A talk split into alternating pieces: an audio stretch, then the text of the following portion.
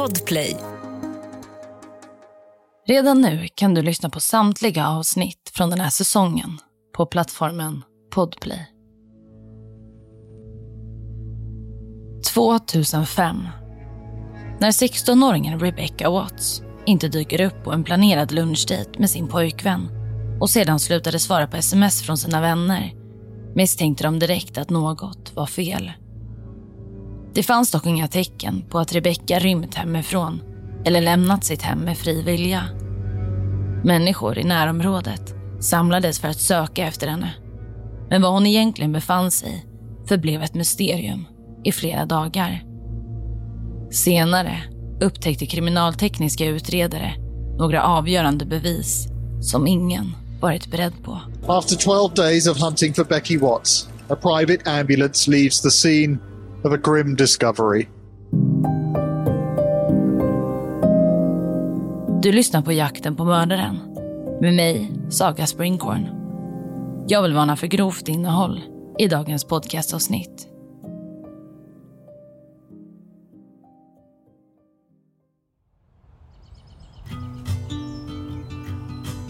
Rebecca Watts föddes den 3 juni år 1998. Hon bodde i Bristol, England tillsammans med sin pappa Darren och styvmamma Angie. Angie hade kommit in i Rebeccas liv när Rebecca var två år gammal. Rebeccas biologiska mamma, Tanja, kämpade med ekonomiska problem. Det var en av anledningarna till att Rebecca bodde med sin pappa Darren och styvmor Angie. Rebecca hade en biologisk storebror vid namn Daniel. Han var två år äldre än Rebecca. Hon hade också en styvbror vid namn Nathan. Nathan var tio år äldre än Rebecca. Nathan bodde på veckodagarna med sin mormor och på helgerna tillsammans med familjen.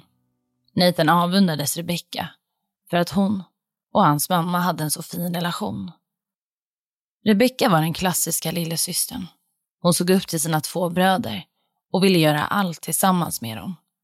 Nathan och Daniel var däremot inte lika intresserade av att umgås med Rebecca.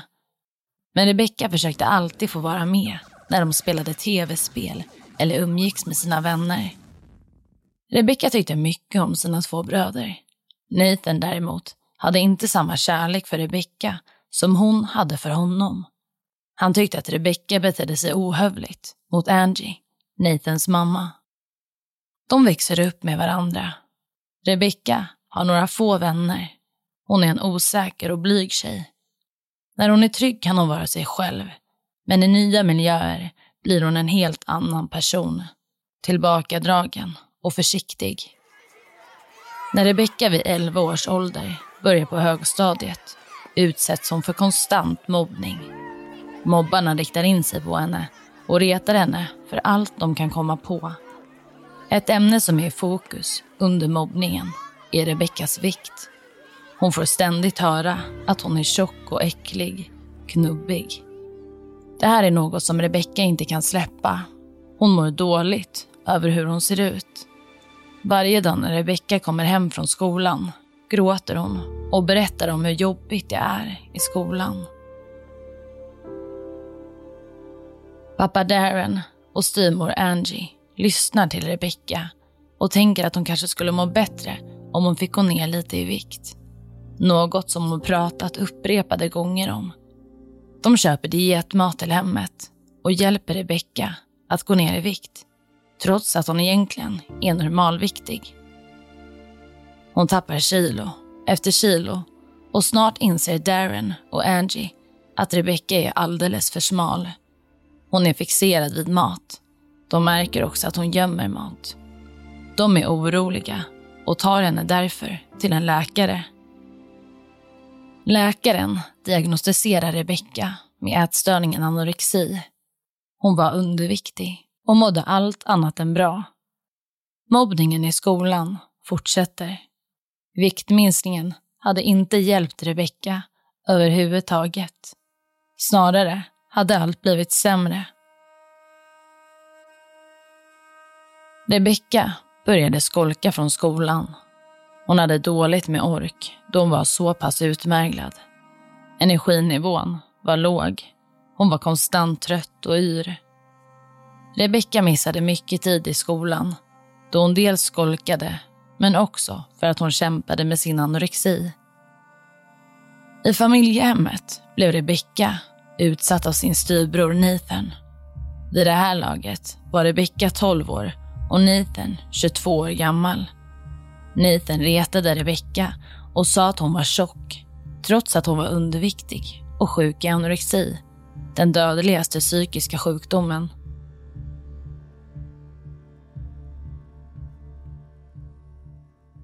Vid 13 års ålder hade Rebecca lyckats kämpa sig tillbaka till ett friskt liv.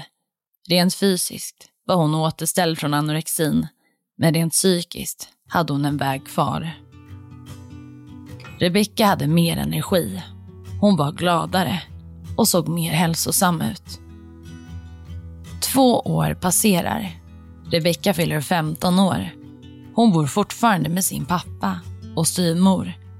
Rebeckas biologiska storebror, Daniel, hade flyttat till sin biologiska mamma.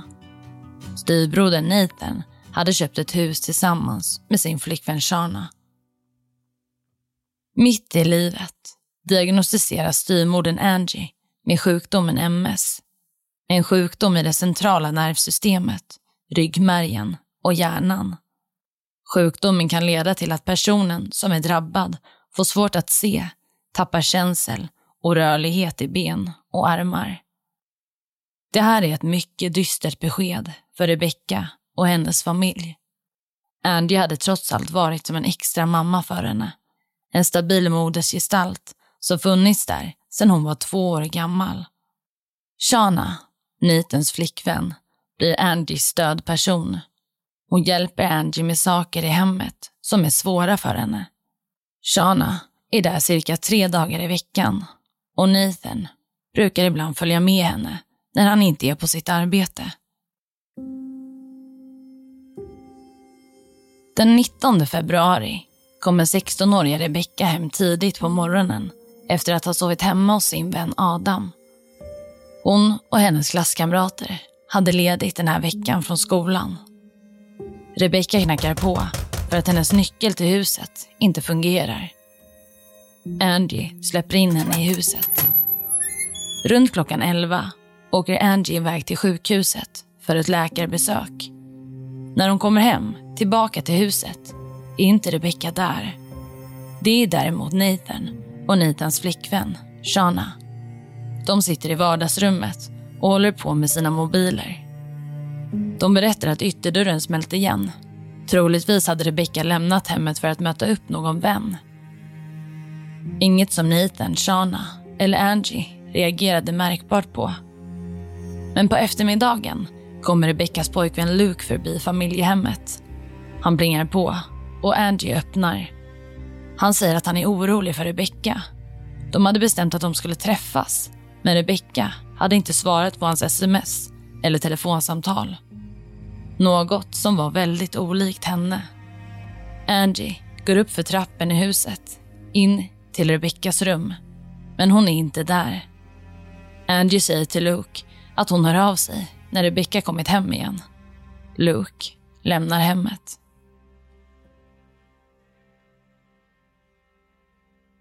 Rebecca kommer inte hem på kvällen.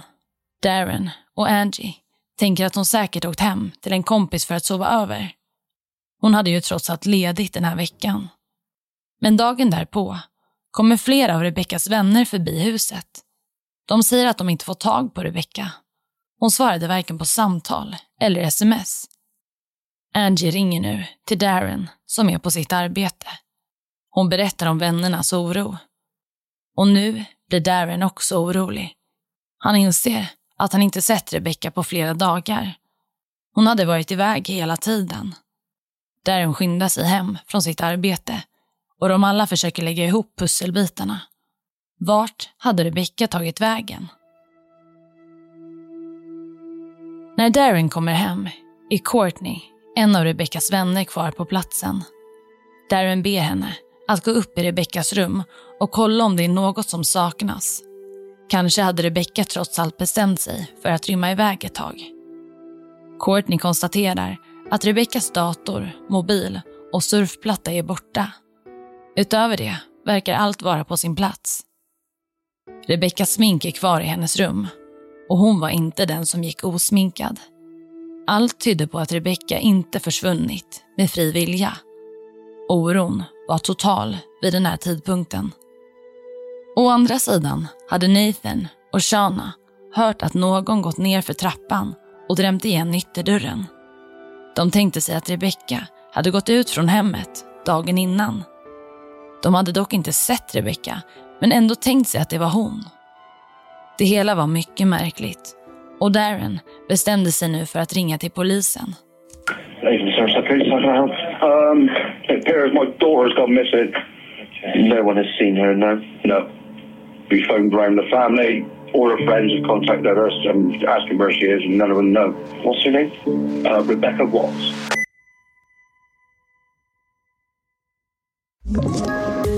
Poddtips från Podplay. I podden Något Kaiko garanterar östgötarna Brutti och jag, Davva, dig en stor dos skratt. Där följer jag pladask för köttätandet igen. Man är lite som en jävla vampyr. Man har fått lite blodsmak och då måste man ha mer. Udda spaningar, fängslande anekdoter och en och annan arg rant.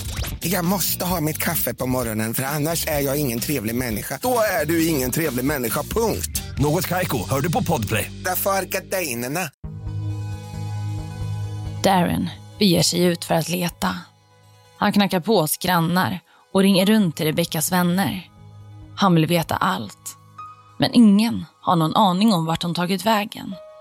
Darren ber Nathan att lägga upp ett inlägg på Facebook om Rebeccas försvinnande. Nathan postar en tydlig bild av Rebeccas ansikte och en tillhörande informativ text om att hon försvunnit. Det här var helt ur karaktär för Rebecca. Hon var en mycket skygg och blyg person. Hon hade svårt att läsa människors kroppsspråk och interaktioner. Rebecca höll sig till sina vänner och familj. Hon gillade inte att vara ute ensam. Polisen tycker inte att det verkar vara brådskande. Många tonåringar försvann och kom sen tillbaka. Men Darren och Angie är övertygade om att något är fel. Facebook-posten som Nathan lagt upp börjar sprida sig. Under lördagen hade Rebecka fortfarande inte dykt upp. Två poliser tar sig till bostaden och berättar om nästa steg. De samlar in Rebeckas DNA och försöker pussla ihop alla bitar. Polisen undersöker huset för att få en idé om vart hon tagit vägen. Polis går nu ut med information om Rebeckas försvinnande. Sociala medier går på högvarv. Rebeckas försvinnande sprids än mer. Hashtaggen FindBecky går viral. Darren ringer upprepade gånger till Rebeckas mobil. Han lämnar röstmeddelanden och hoppas på att Rebecka ska svara. Men telefonen är avstängd. Vid den här tidpunkten finns det två olika teorier om hur Rebecka försvunnit. Den ena är kidnappning. Den andra är att Rebecca rymt hemifrån. Darren och Angie går ut i det offentliga och uttalar sig om Rebeccas försvinnande. De ber Rebecca att komma hem. De dyker upp i tv-rutan flera gånger. Ibland vädjar de till Rebecca, om det nu var så att hon rymt hemifrån. Vid andra tillfällen vädjar de till den som eventuellt fört bort henne. Babes, if you can see this, get in contact. And if anyone out there knows something, just tell us. Just bring her home safe. If you've got her, then put her somewhere we can find her. We want her home, please.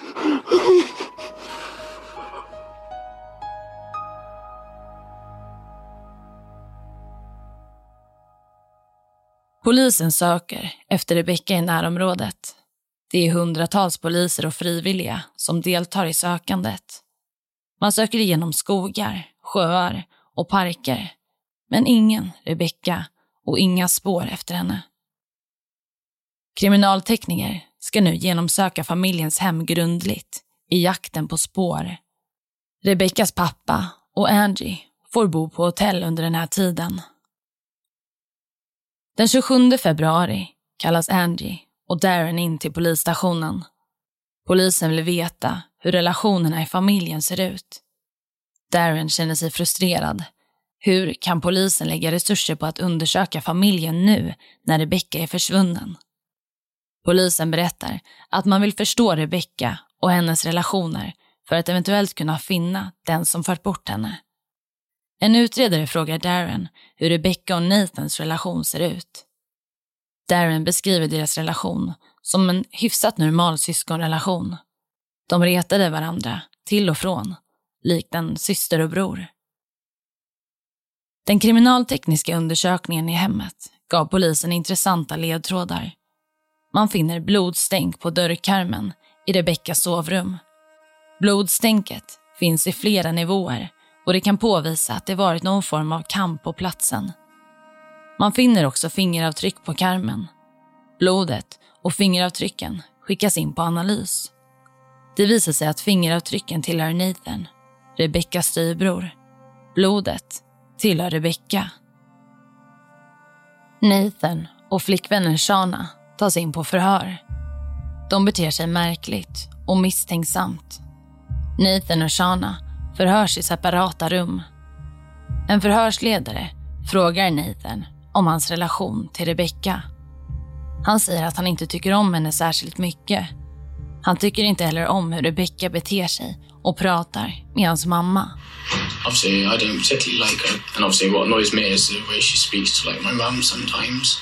Mm. She'd be kind of like rude or whatever, or trying to think of an actual specific time. Nathan är inte särskilt samarbetsvillig. Han tycker att det hela är överdrivet. Han beter sig inte som en orolig storebror. Shana säger att hon inte vet något om Rebeckas försvinnande. Hon berättar återigen att hon hört ytterdörren smälla igen under torsdagen och att hon då förutsatt att det var Rebecka som lämnade hemmet. Everything seemed normal. Nothing seemed wrong. Nothing, you know, it all seemed kind of the same as it would any other day. Tio dagar efter Rebeckas försvinnande grips Nathan och Shana. De grips misstänkta för att ha kidnappat Rebecca. Police have been given more time to question two people in connection with the disappearance of 16-year-old Becky Watts.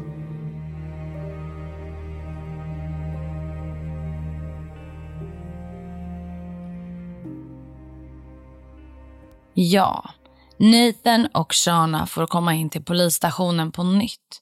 Men den här gången är de gripna och misstänkta för att ha kidnappat Rebecca. Det här innebär också att förhörsledarna kan grilla paret lite mer.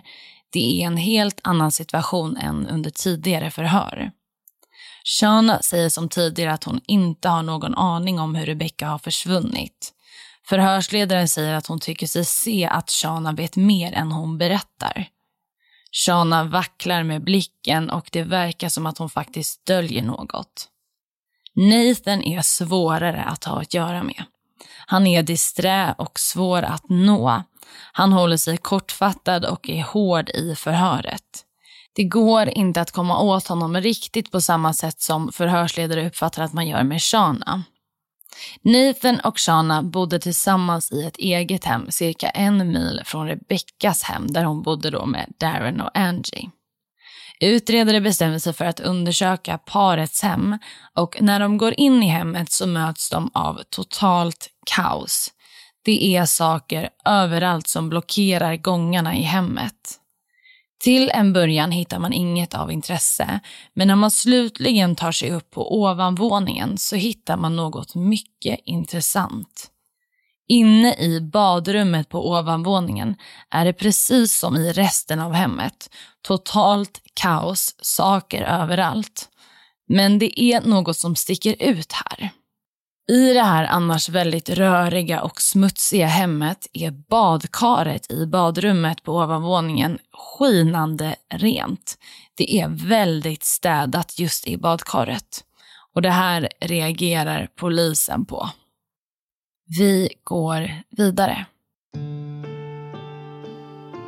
I Nathans och Shanas hem hittas två kvitton i ett skåp. Dessa kvitton är daterade från samma dag som Rebecca anmäldes försvunnen. Kvittorna visar att någon inhandlat en cirkelsåg, skyddsglasögon, handskar och ansiktsmasker. Dessa kvitton, plus det skinande badkaret, oroar polisen. Hade Nathan och Shana styckat Rebeckas kropp? De nya fynden pekar på att Rebecka bragts om livet. Misstankarna gentemot Nathan och Shana förändras. Från kidnappning till mord. Rebeckas pappa är förtvivlad. Han kan inte tro att Nathan och Shana är gripna för mordet på Rebecka. Han skriker när han får informationen. Samtidigt som polis genomsökt parets bostad sitter Shana och Nathan i förhör hos polis. De har ingen aning om vad man precis hittat i deras hem. Och det här ska förhörsledarna nu försöka använda emot paret. Man vill berätta för dem och sedan se deras reaktion. Och strategin funkar bättre än vad man kunnat ana. När förhörsledaren berättar för Nathan om alla fynd kopplat till honom och Rebecca får han svårt att prata. Han ber om att få träffa sin advokat. Nathan och advokaten samtalar ensamma i några timmar. Och när Nathan senare är beredd att träffa förhörsledare igen säger han att han har något att berätta. Nathan klarar inte av att berätta det själv. Istället ska hans advokat läsa upp ett erkännande som han och Nathan skrivit tillsammans. Nathan ber om att få hålla för sina öron.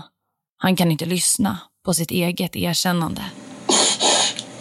I don't want to read this out in full again, Nathan, but what I wanted to do was get some more detail from you about things that you've said in it. So perhaps if I could pull out some things from what you've told us and ask you to expand on it, tell us a bit more. Det här erkännandet är väldigt långt, men jag tänker ändå att ni som lyssnar på podden ska få ta del av det som nu läses upp i förhörsrummet. Om du som lyssnar tycker att det blir långrandigt så föreslår jag att du spolar fram några minuter. I det här erkännandet kommer några adresser att läsas upp. 18 Crown Hill är adressen hem till Rebecca och 14 Cotton Mill Lane är adressen hem till Shana och Nathan.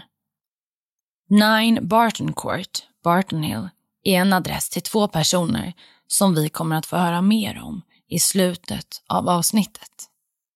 Så här löd erkännandet. Jag, Nathan Charles Matthews, födelsedatum 9 januari 1987, accepterar att jag är ansvarig för Rebecca Watts död. Den 19 februari 2015 gick jag in på 18 Crown Hill med min flickvän Shana. 18 Crown Hill är där min mamma bor med Darren och Rebecca Watts. Shana är min mammas registrerade vårdare, så vi går regelbundet till huset för att hjälpa till med hushållsarbete och annan hjälp som min mamma behöver. Även om vi vanligtvis åkte dit på måndagar, onsdagar och fredagar gick vi dit även andra dagar.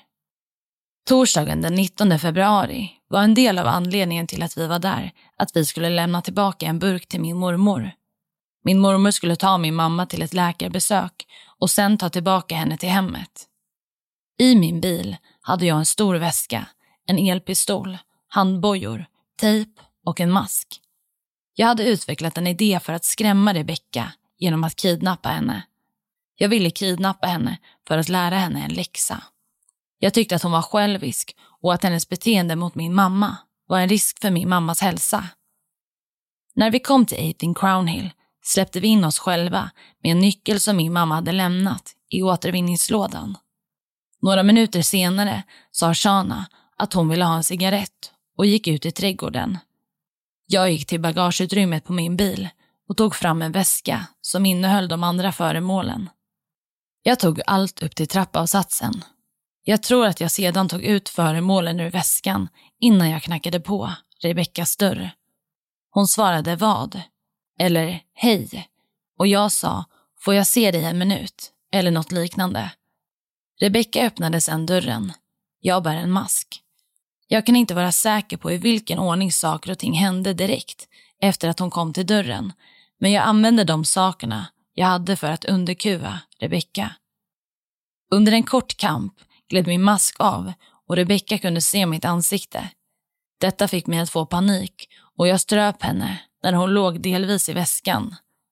Jag samlade ihop föremålen jag hade använt, la dem och Rebecka i väskan och knäppte ihop väskan.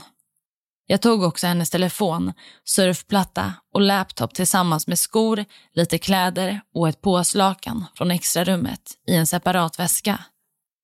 Jag tog ner allt och stoppade in det i bagageutrymmet på min bil. Tillbaka i huset väntade jag på att höra Shana och sen slog jag igen ytterdörren. Resten av dagen hemma var som den brukar vara när vi var där. Vi åker cirka 19.00. Resten av kvällen var som vanligt, men jag kommer inte ihåg exakt vad vi gjorde. Efter att Shana lagt sig och sovit väntade jag ett tag och gick ut till bilen och tog in väskorna i huset. Följande dag gick vi tillbaka till 18 Crown Hill och jag försökte bete mig så normalt jag kunde.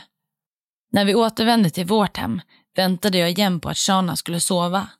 Den här gången samlade jag ihop påsen med Rebeckas kropp och placerade den i badet.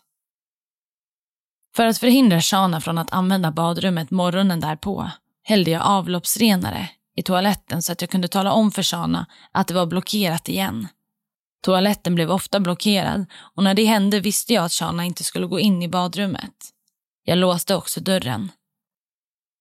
Mitt minne av dagarna som följde är inte perfekt, så jag är inte säker på vilken dag jag återvände till 14 Cotton Mill Lane efter att ha lämnat Shana hos min mamma, men jag tror att det var lördagen. När jag kom tillbaka till 14 Cotton Mill Lane försökte jag kassera kroppen genom att skära upp den med en cirkelsåg. Till en början lindade jag in kroppsdelarna och tog dem tillbaka ner och gömde dem. Jag är inte säker på hur många dagar senare, men en annan dag tog jag kroppen, sågen och andra föremål till 9 Barton Court, Barton Hill och placerade dem i ett trädgårdsskjul. Jag tog dem till den här adressen med två andra personer. Jag berättade inte för dem vad som fanns i påsarna och kartongen och jag sa att jag skulle hämta dem om några dagar. Båda dessa personer är män, men jag vill inte nämna dem. Jag har valt att ge min redogörelse genom ett skriftligt uttalande eftersom jag tror att jag har psykisk hälsa och inlärningssvårigheter som gör det svårt för mig att säga det högt. Jag har också svårt att uttrycka detaljerna i denna redogörelse i talande ord. Jag skulle vilja tillägga att mina förnekelser hittills delvis har varit motiverade av en önskan att undvika smärtan och besvikelsen som dessa erkännanden skulle orsaka för min partner och familj. Detta uttalande skrevs av min advokat, men det har lästs av mig och jag kan bekräfta att det är en korrekt redogörelse. Shana visste ingenting om att jag orsakade Rebeckas död eller om mitt försök att göra sig av och gömma kroppen. Hade hon vetat så hade hon polisanmält mig. Förutom detta uttalande kommer jag att utöva min rätt till tystnad. Så löd alltså Nathans erkännande.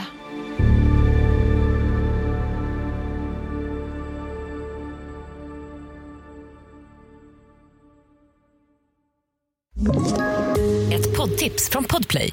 I podden Något Kaiko garanterar östgötarna Brutti och jag, Davva, dig en stor dos skratt. Där följer jag pladask för köttätandet igen. Man är lite som en jävla vampyr. Man har fått lite blodsmak och då måste man ha mer. Udda spaningar, fängslande anekdoter och en och annan arg rant. Jag måste ha mitt kaffe på morgonen för annars är jag ingen trevlig människa. Då är du ingen trevlig människa, punkt. Något Kaiko, hör du på Podplay. Därför är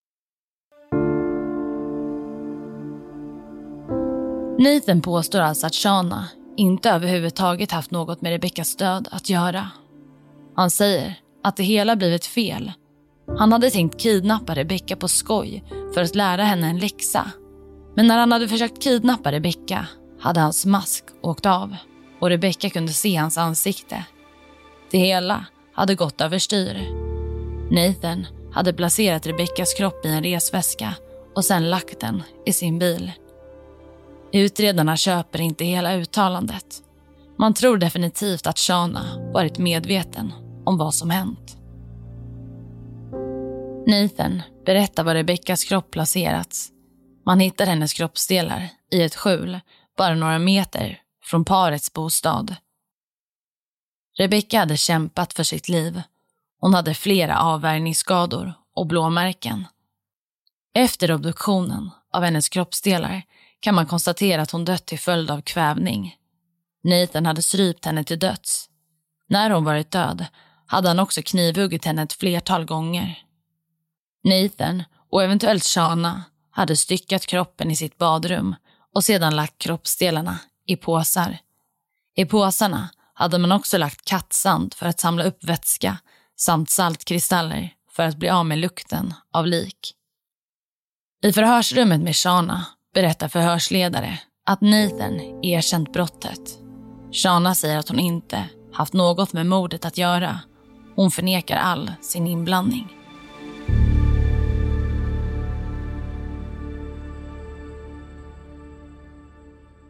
Man har nu fått ett erkännande från Nathan. Men man måste givetvis undersöka det här erkännandet och se över om allt verkligen stämmer. Något som utredarna är mycket skeptiska till är att Shana inte vet något om händelsen. Nathan hade attackerat Rebecca i hennes sovrum. Han hade strypt henne till döds. Därefter hade han lagt hennes kropp i en stor väska, gått ut till bilen och lagt väskan i baksätet på bilen. Därefter hade han gått in i huset igen och satt sig i soffan med Shana. Lite senare kommer Angie hem och hon har ingen aning om vad som hänt. Med all den här informationen så verkar det osannolikt att Shana inte vet någonting om händelsen. Så en viktig uppgift för polisen blir nu att hitta bevis på att Shana varit delaktig i händelsen. Givetvis har man undersökt Shanas och Nitens telefoner, men det dröjer lite tid innan man kan undersöka material i telefonerna som raderats. Men när man till slut får fram den här raderade informationen så förstår man lite mer vad som eventuellt kunnat vara ett motiv till händelsen. Dels finner utredare Google-sökningar som indikerar att paret har en specifik sexuell inriktning.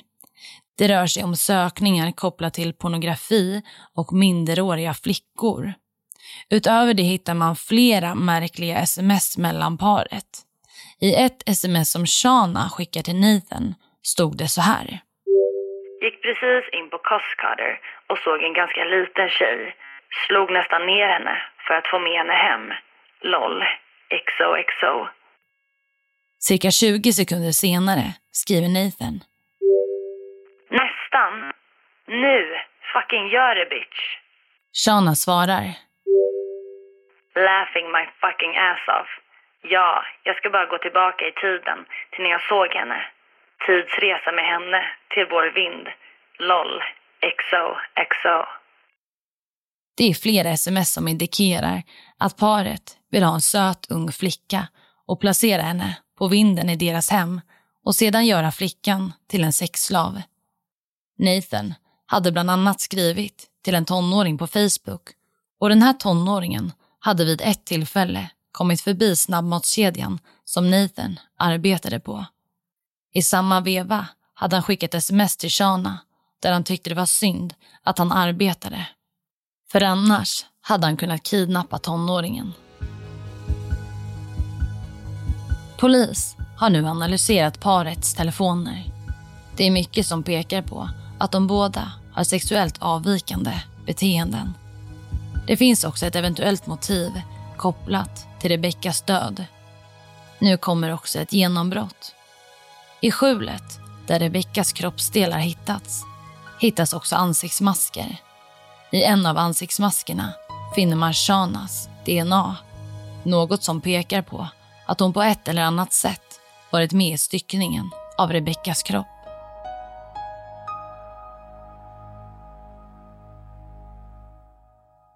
Rebeckas pappa tänker tillbaka på en viss händelse från tidigare. En händelse som han i efterhand önskat att han tagit på mer allvar. Rebecka hade som tidigare nämnt tampats med anorexi och ångest. Hon hade träffat en kurator regelbundet. Vid 12 års ålder, i ett möte med kuratorn, hade Rebecca berättat att hon var rädd för sin storebror Nathan. Hon kände sig inte trygg i hans närvaro. Om Angie, eller hennes pappa Darren, var närvarande samtidigt så kände hon sig säker, men hon ville inte vara ensam med Nathan. Kuratorn informerade Rebeckas pappa om den här informationen. Darren, i sin tur, beslutade sig för att lugna Rebecca. Han sa att hon inte hade något att vara rädd för. Nathan skulle aldrig göra något dumt mot henne. Men nu flera år senare insåg Darren att det där som han sagt inte varit sant. Han grämer sig över att han inte frågade henne mer ingående om varför hon var rädd. Längre fram framkom det också att Rebecca berättat för sin kompis Courtney att hon var rädd för Nathan. Courtney återberättade det Rebecca sagt till henne. Att Nathan hade berättat för Rebecca att han kunde döda henne på flera olika sätt. När Darren nu får ta del av att Nathan med högsta sannolikhet dödat Rebecca börjar han tänka tillbaka på saker som hänt. Han ser flera röda flaggor. Nathan hade alltid varit intresserad av yngre tjejer. När han var 21 år gammal hade han inlett relationen med Shana som då var 14 år gammal. När Nathan försökt komma in i familjehemmet med Shana hade Darren stoppat dem. Darren vägrade släppa in ett barn tillsammans med den vuxna Nathan. Darren krävde att få se ett intyg på att Shana var minst 16 år gammal. När två år passerat tar Darren med sig Shana till hemmet på nytt. Hon är då 16 år och Nathan 23. Det var alltså lagligt för Nathan att vara tillsammans med Shana och familjen hade inget annat val än att släppa in dem. Två personer grips för att ha placerat Rebeckas kvarlevor i skjulet där de senare hittades. Det är en person vid namn Carl och hans flickvän Jaden. Det var de som ägde skjulet och Nathan hade betalt dem för att förvara påsarna. Paret hade trott att det rörde sig om narkotika. De båda hade behövt pengar och hade inte frågat så mycket om vad påsarna innehöll. Den 5 februari 2016 dömdes Carl till två års fängelse och Jaden dömdes till 16 månaders fängelse. Rättegången mot Nathan och Shana drar igång i oktober 2015. Under rättegången står det klart att Shana och Nathans relation varit destruktiv. Nathan hade manipulerat Shana, kontrollerat henne och varit våldsam mot henne under flera år. Shanas försvarare menar att pressen gett en felaktig bild av Shana. Hon var inte en sexgalning som hade samma intresse för minderåriga flickor som Nathan. Man menar att Shana hade ställt upp på det som Nathan velat. Hon hade följt hans jargong. Shanas försvarare hävdar att Shana varit utomhus och rökt när Nathan dödat Rebecca. Man menar att hon inte deltagit eller vetat om någonting kopplat till Rebeckas försvinnande och död.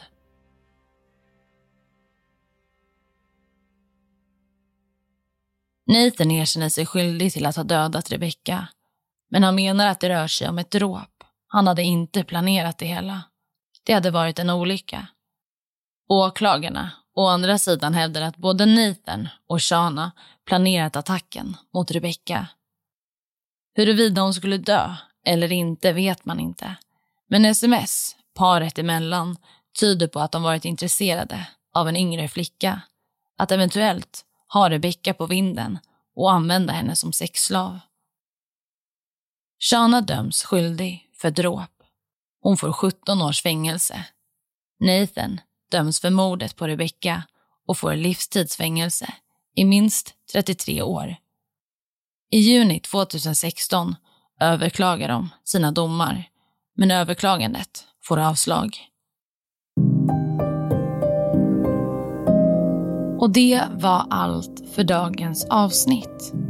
Vill du komma i kontakt med mig så kan du skriva till mig på Instagram där jag heter Saga Springkorn eller mejla till jaktenpamordaren springkorn.se. Tack för att du har lyssnat. I nästa avsnitt av Jakten på mördaren kommer du kunna lyssna till följande fall. Flight 9525 lyfter från Barcelona klockan 10.01 lokal tid. I flygplanet sitter det 144 passagerare, inklusive en skolklass från Tyskland. Ungefär en halvtimme efter att planet lyft så är det något som händer. Och inom några minuter har planet kraschat rakt in i en bergvägg. Om du inte orkar vänta och vill lyssna på avsnittet redan nu så kan du göra det helt gratis i appen Podplay eller på podplay.se. Podplay, en del av Power Media. Ett poddtips från Podplay. I fallen jag aldrig glömmer djupdyker Hasse Aro i arbetet bakom några av Sveriges mest uppseendeväckande brottsutredningar. Går vi in med hemlig telefonavlyssning och, och då upplever vi att vi får en total förändring av hans beteende. Vad är det som händer nu? Vem är det som läcker? Och så säger han att jag är kriminell, jag har varit kriminell i hela mitt liv men att mörda ett barn, där går min gräns. Nya säsongen av Fallen jag aldrig glömmer på Podplay.